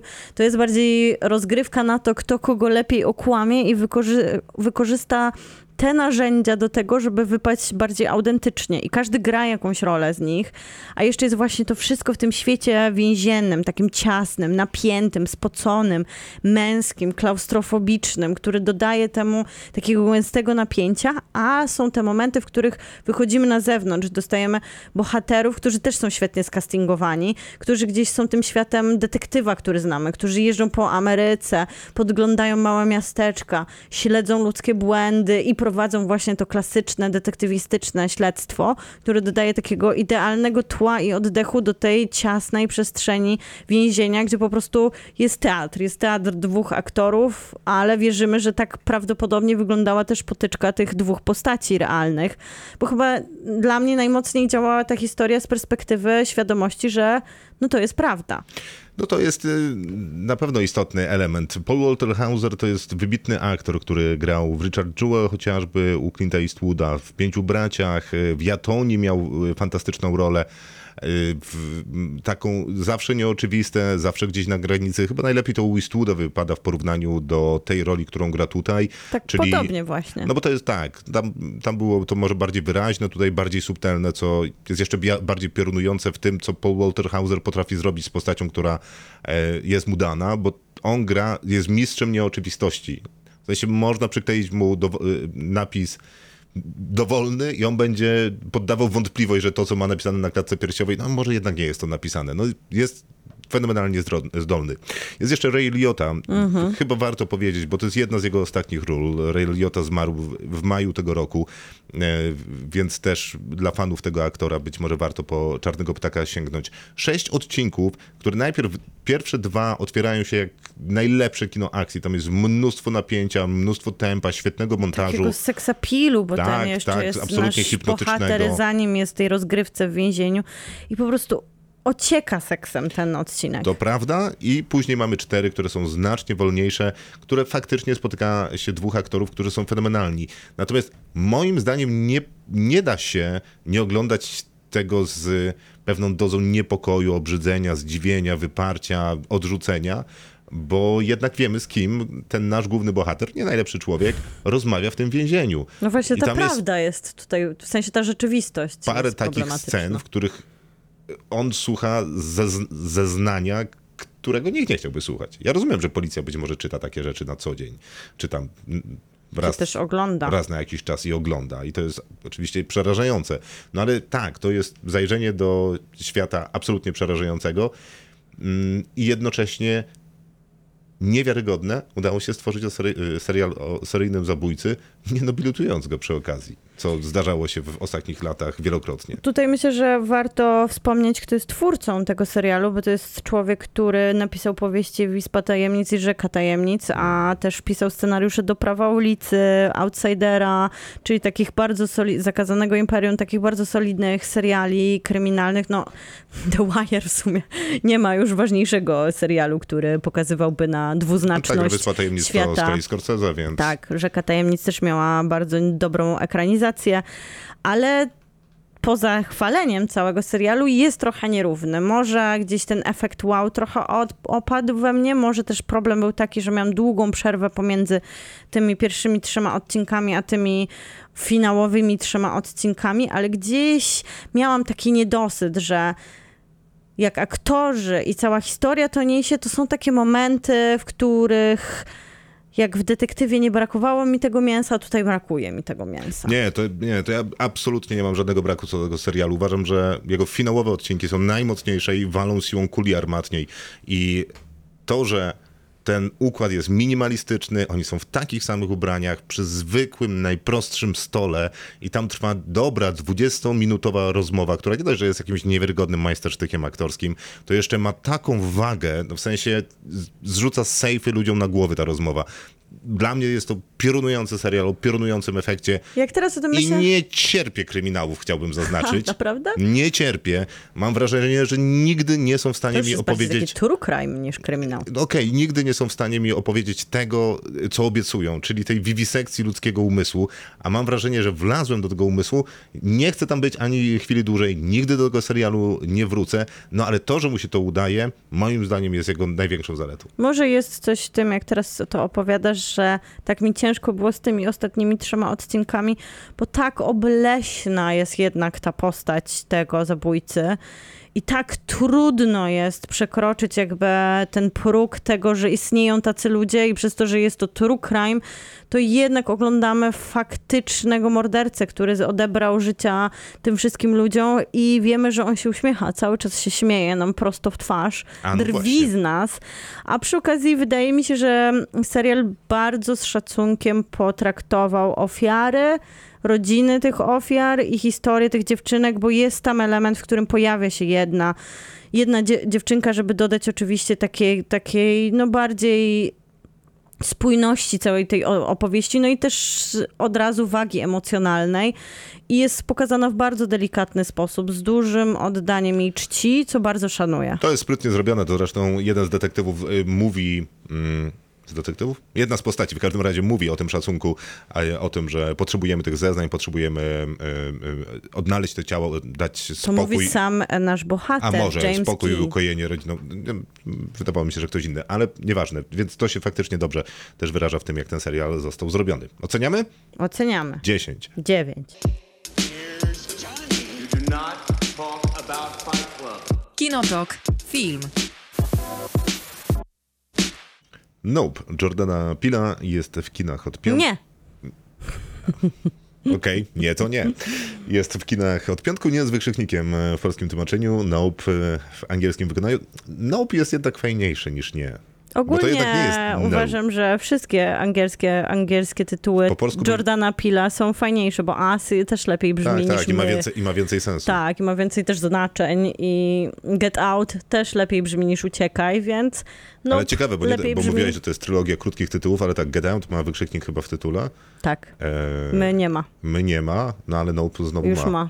No, ciekawe, co tam czwartego na nas czeka, bo zapowiedziano, Polsce, zapowiedział polska wersja powinna się filmów. nazywać E EE.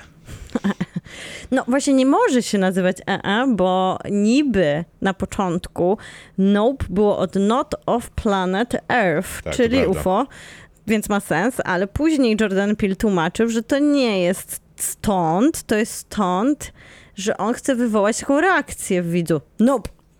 Taką. I wtedy tłumaczenie na nie ma większy sens niż na takie nie, nie, bo to ma być takie nie na zasadzie no nie, no nie. No ale Nope No nie. nie. jest No. No nie jest. To jest takie nope. No więc I tam e, bohater e, jest, e. e, bohater grany przez Daniela kaluje bardzo często w takich sytuacjach dramatyczniejszych, w których mógłby wyjść i zginąć na zewnątrz, mówi nope. No to to jest polskie e, e. e, e. No, mo- a ja myślę, że jednak byśmy powiedzieli w horrorze będąc Polakami nope. Chciałbym zobaczyć plakat z moim tłumaczeniem.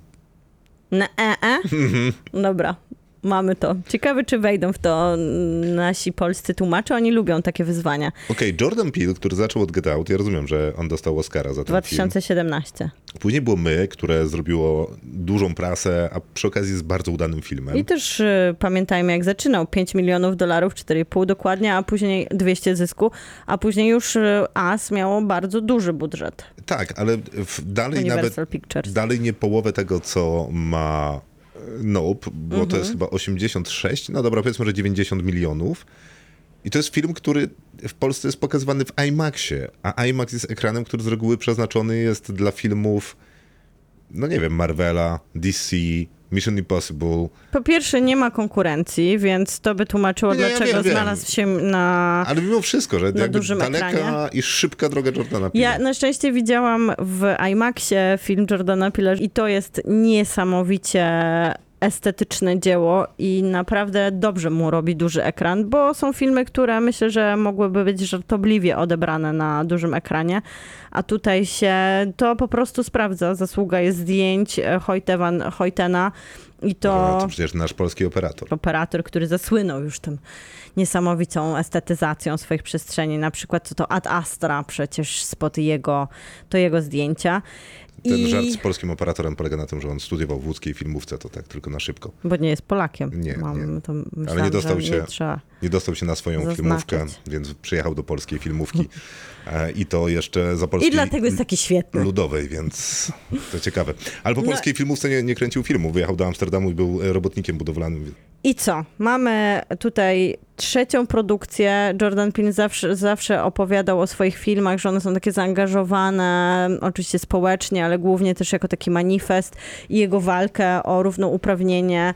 I to nie tylko o równouprawnienie czarnych i trochę walkę z rasizmem w Ameryce i też takie zwłaszcza to jest nie takie docenianie, docenienie Afroamerykanów w historii Stanów Zjednoczonych, ale też po prostu o walkę z nierównościami w Stanach, bo chociaż jest na tle rasowym opowieścią, to też mówi o Ale tym... też klasową. No właśnie, że, żyje, że żyją dwa różne światy na, na jednej ziemi. Te światy są najczęściej właśnie wynikające z nierówności społecznych. I jak te wcześniejsze jego filmy od Uciekaj, który był taką też klasyczną opowieścią w kontekście tego, co działo się w Hollywoodzie na ekranach, co opowiadały nam filmy i w jaki sposób pokazywały czarnych i białych, As już było takim manifestem, to nie jest bardziej spektaklem i on od początku powtarzał, że wpłynęło na to po pierwsze czasy pandemii, w których wszyscy trochę wróżyli upadek kina i pojawił się taki fatalizm i wielka opowieść o tym, że odwrócimy się od dużych ekranów, bo nagle wszyscy zasiedli na swoich kanapach i mamy em, streamingi i nie będzie już prawdziwego kina. I w tej takiej narracji fatalistycznej Jordan Peele powrócił do takich korzeni kina, więc można tutaj dużo takiego Spielbergowskiej rozrywki odnaleźć w filmie. I chociaż on zawsze był gdzieś na granicy takiego kina autorskiego i mainstreamowego, bardzo rozrywkowego, bo takie, takie były wszystkie jego filmy, to tutaj wydaje mi się, że już idealnie zaznaczył taką cienką linię pomiędzy opowiadaniem swoim językiem, takim bardzo charakterystycznym, a językiem komercyjnym, bo jest to jednak popcornowe kino. Jest to ten spektakl, który on powtarza w kółko w kontekście reklamy tego filmu. Co ciekawe, Nope miało taki enigmatyczny sposób zapowiadania siebie. Nie było wiadomo o co chodzi, nikt nie zdradzał, jaki będzie, jaki będzie tam rozwój historii. Te plakaty sugerowały wiele. Więc no jest. Czy trailer dużo y, mówił, w takich czasach żyjemy, że trailer opowiada pół filmu. Ale na początku było takie enigmatyczne, o czym to będzie, co tam się wydarzy, co to te konie, i czy naprawdę UFO, jak to jest możliwe. Jordan Peele, przecież kwintesencja gatunku horroru, czy będzie to, teraz. to, to jaki to jest wszystko- problem z UFO tutaj i, i, i, i, No mnie zaskoczyło, mnie zaskoczyło trochę to wrzucanie tutaj UFO w kontekście oglądania traileru, bo nie w samym kontekście samego filmu. Znaczy, no dobra, trailer jednoznacznie nie mówi, że to jest UFO, no jakby się uprzeć. No nie mówi. No nie. No, okazuje się, że oczywiście jest to UFO. Jordan Peele, można powiedzieć, że zawsze z tego słynął, że jest wielkim miłośnikiem kina i we wszystkich swoich filmach odwoływał się do dorobku Hollywoodu i do całej kinematografii. Nie robił tego w taki wprost sposób, jak robi to Stranger Things, gdzie możemy odczytywać każdy trop i rozpisywać sobie później infografiki, co było mrugnięciem do czego i do jakiego konkretnej produkcji się odnosił. Tutaj po prostu widać tą świadomość tego, jak kino było budowane i oczywiście najmodniejsze słowo hybrydowość e, gatunków, czyli mieszanie różnych tropów. Tutaj mamy horror oczywiście, bo przecież Pil od tego zaczyna, że bierze ten gatunek i Ale o co chodzi z tymi... rozwarstwia. Te gatunki to słyszałem, że tam y, wiele mieści y, i słyszałem, że tam jest jakiś hołd dla Spielberga i słyszałem, że tam jest, że jest to super kinofilski film. Natomiast ja mam zawsze problem z tymi kinofilskimi filmami, bo mam wrażenie, że sam jestem kinofilem i obejrzałem tych filmów dużo i, i robię to dosyć długo. I zawsze ktoś mówi, że to jest takie kinofilskie i, i zaraz znajdziesz tam 50 odniesień. Nie, to ja właśnie nie To czytałam tak. z- Znajduję tam, wiesz, półtora i mówię tak, wow. to- Słaby jest. Słaby jestem, to kto znajduje te odniesienia? No ja rozumiem, że są lepsi ode mnie, którzy obejrzeli więcej filmów, no ale jednak mam pewien zapas. No ale to jest jak właśnie powiedziałam ze Stranger Things, który ci daje mnóstwo rzeczy, które no, No, musiałbyś Stranger być Things- ignorantem, Tak, żeby nie, nie, da się wiedzieć, pomylić. że... No, dlatego się boję o takiego Jordana Pila, że on jest Ale Jordan Peele nie niż ja. robi, nie robi, no, je, no, no tutaj na pewno, ale to nie są takie odwołania bezpośrednie. Czyli co, to jest wiesz. Quentin Tarantino, tak jak w, w pewnego razu Jest, w Hollywood? Quentin, jest Quentin Tarantino, no. A, okej. Jest reżyser Szóstego Zmysłu. A nie, bardziej mi chodziło, czy to jest jak w filmie Quentina Tarantino pewnego razu w Hollywood. A w tym sensie, a, a jest też tam Quentin Tarantino, jakby tak No to- poszukać głębiej. W sumie mogłoby być to spodziewane. Więc tak jest jak Quentin Tarantino w swoim filmie i tak jest tu trochę Quentina Tarantino, jakby się No to jest doszukać. W pewnym sensie pew... dosyć podobna opowieść, nie? Bo u Quentina Tarantino jesteśmy na tym zapleczu Hollywoodu kaskaderskim, tu jesteśmy na zapleczu Hollywoodu, no też kaskaderskim. Tu jesteśmy w tym komentarzu właśnie jak zwykle u Jordana Pila, który Ja- ja wraca do korzeniu, tylko ale no, mówię historii. o Tak jest, branży, tak? którą on komentuje Nie. z perspektywy czarnych. Z perspektywy tego, że oni byli zawsze pomijani w procesie hollywoodzkim, że chociaż byli obecni na planach i wykonywali mnóstwo różnych zawodów, to tak naprawdę nie są obecni w historii kina, nie pojawiali się, nie byli doceniani. I taki jest punkt wyjścia. Widzimy Jokeja, który doje, ujeżdża konia. Jest to jeden z pierwszych ruchomych obrazów, jaki powstał w historii kina. I ten go jockey, Jokeja imienia nikt nie zna i nikt go nie pamięta, chociaż wpisuje się w najważniejszy element powstania kinematografii, bo oczywiście był to czarny jockey. I z tej perspektywy wychodzi jakby cała historia, którą opowiada rodzeństwo, które ma stadninę koni, hodowaną, koni hodowanych właśnie do grania w filmach, takich specjalnie przygotowywanych do tego, żeby się pojawiać na planach. I oni w ten sposób otwierają każdy plan. Mówią, znacie tego jokeja, znacie to ujęcie z filmu, to jest nasz pra, pra, pra dziadek. I my tu jesteśmy po to, żeby powiedzieć, że jesteśmy dumnymi, czarnymi, którzy brali udział w tworzeniu się Hollywoodu, jakby trochę wypominając e, ustami Jordana Pila tą niechlubną część historii. Wchodzimy w taką opowieść, która już oczywiście odjeżdża zupełnie od tego komentarza społecznego, więc mamy to rodzeństwo, które żyje na farmie, które, e, które hoduje konie. Tak naprawdę mamy Ojeya, czyli tutaj mm, głównego bohatera, który od zawsze się z tymi końmi wychowywał, jego siostrę, która troszkę jest obok i prowadzi swoje hollywoodzkie życie. To jest też taki klasyczny dualizm rodzeństwa. Są blisko, ale mają zupełnie inne charaktery, na czym świetnie może się opierać gra aktorska i taka chemia między bohaterami.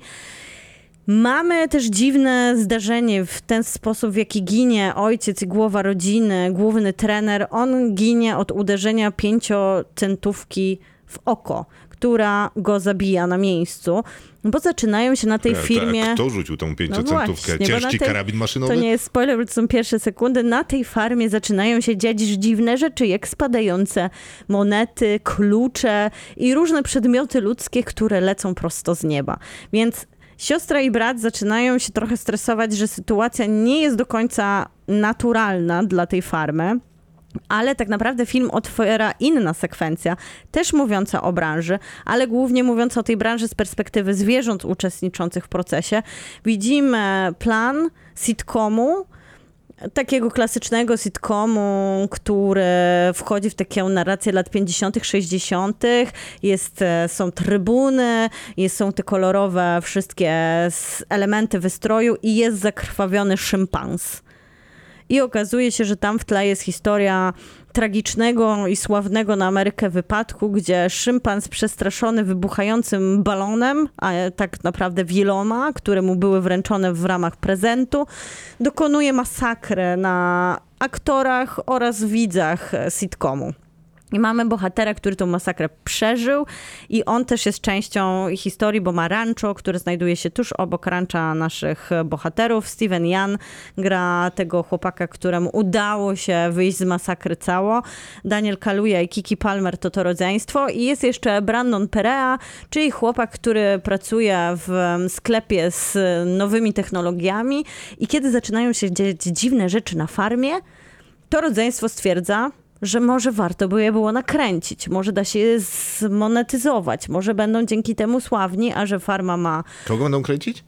No, te dziwne wydarzenia. A, czy w ogóle te... tak, stwierdzają, no, że no, no, coś no, no. się dzieje nie tak i najlepiej mieć to na kamerze, mieć ujęcie i wtedy może nawet się dostaną do opry i będą bogaci i w końcu sobie poradzą z problemami finansowymi fermy.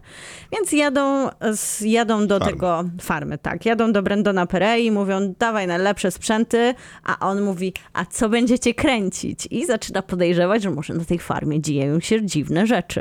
Na- naprawdę? Nie, to, to brzmi trochę jak taka dykteryjka bardziej niż film, no ale okej. To brzmi jak znowu właśnie zabawa trochę gatunkiem i, i czerpanie z tego dorobku kina, które już e, mamy. Dostajemy tutaj, co najważniejsze, western, bo wszystkie te elementy od zwierzęce to jest jedna opowieść i to jest opowieść taka trochę, którą mieliśmy ostatnio w Prey pokazane w taki disneyowski sposób, że mam ten łańcuch, że zawsze jest jakaś ofiara i zawsze jest jakiś oprawca. Tutaj bardziej te dzikie zwierzęta mają pewne mechanizmy i z tym się wiąże ta, ta obca technologia, która się pojawia z tymi mechanizmami polowania i mechanizmami przetrwania. No ale mamy też western w kontekście tego, że Daniel Kaluuya jest po prostu takim współczesnym kowbojem z taką uroczą Daniel. Kaluuya, znany też z Uciekaj, Oczywiście. Jordana Pila, y, Judasz i Czarny Mesjasz. I oni też właśnie chyba mają niesamowitą chamię w pracy, jeżeli chodzi o aktora i reżysera, bo wspaniale w każdym z filmów wypada zupełnie inaczej Daniel Kaluuya. I tutaj jest taką, taką satyrą na to, że zawsze prawdziwy kowboj był taki opanowany, wiedział co zrobić w sytuacji, zawsze po On jest prostu... zawsze spanikowany. E, nie, rozumiem, jakim tropem podążyłeś. Nie, on No, jest... no, no, w sensie, że jest jakimś slapstickowym kowbojem. Nie, właśnie nie. a, On okej. jest dokładnie takim kowbojem, jak ma być, czyli takim wycof wycofanym, który wie, jak, jak podjąć się każdej sytuacji, w każdej jest opanowany. Jest takim archetypem męskości z filmów. Dobra, inaczej. jest po prostu Clintem Eastwoodem. Roz- Rozumiem, super. Daniel Kaluuya jest jednym z moich ulubionych aktorów ostatnich lat. Nie tylko moim, bo jest po prostu wybitny w tym, co robi.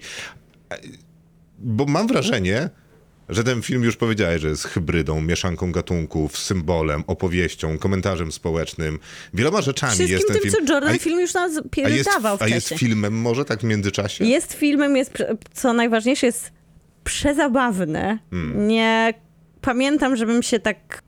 Nie pamiętam, żebym się śmiała na wcześniejszych e, Jordanach Pilach. Obawiałam się, czułam dyskomfort. Naprawdę też taką sprawną rękę do opowiadania i wizualnie, i w obrazie, i aktorami. A tutaj jeszcze jest spora doza, doza poczucia humoru. Są też takie świetne sceny budujące cały film, które zapamiętamy. Jest niesamowicie wizualnie zbudowana to opcja cywilizacja, która wygląda po prostu jak obraz i jest tu mnóstwo szalonej wyobraźni, takiej kreatywnej, twórczej wyobraźni Jordana Pila, która się nie boi oceny. To jest jego najlepszy film? Nie, to nie jest jego To jest najlepszy jego film. najgorszy film? Nie. To jest jego drugi film? To jest, to jest kompletny film z perspektywy tego, że jest to trzeci jego film i wydaje mi się, że jak na króla gatunku horroru, on dokładnie robi to, co musiał zrobić, czyli znowu wygina i przeciąga granice i opowiada nowym językiem. Jest po prostu bardzo kompletnym twórcą. Ile?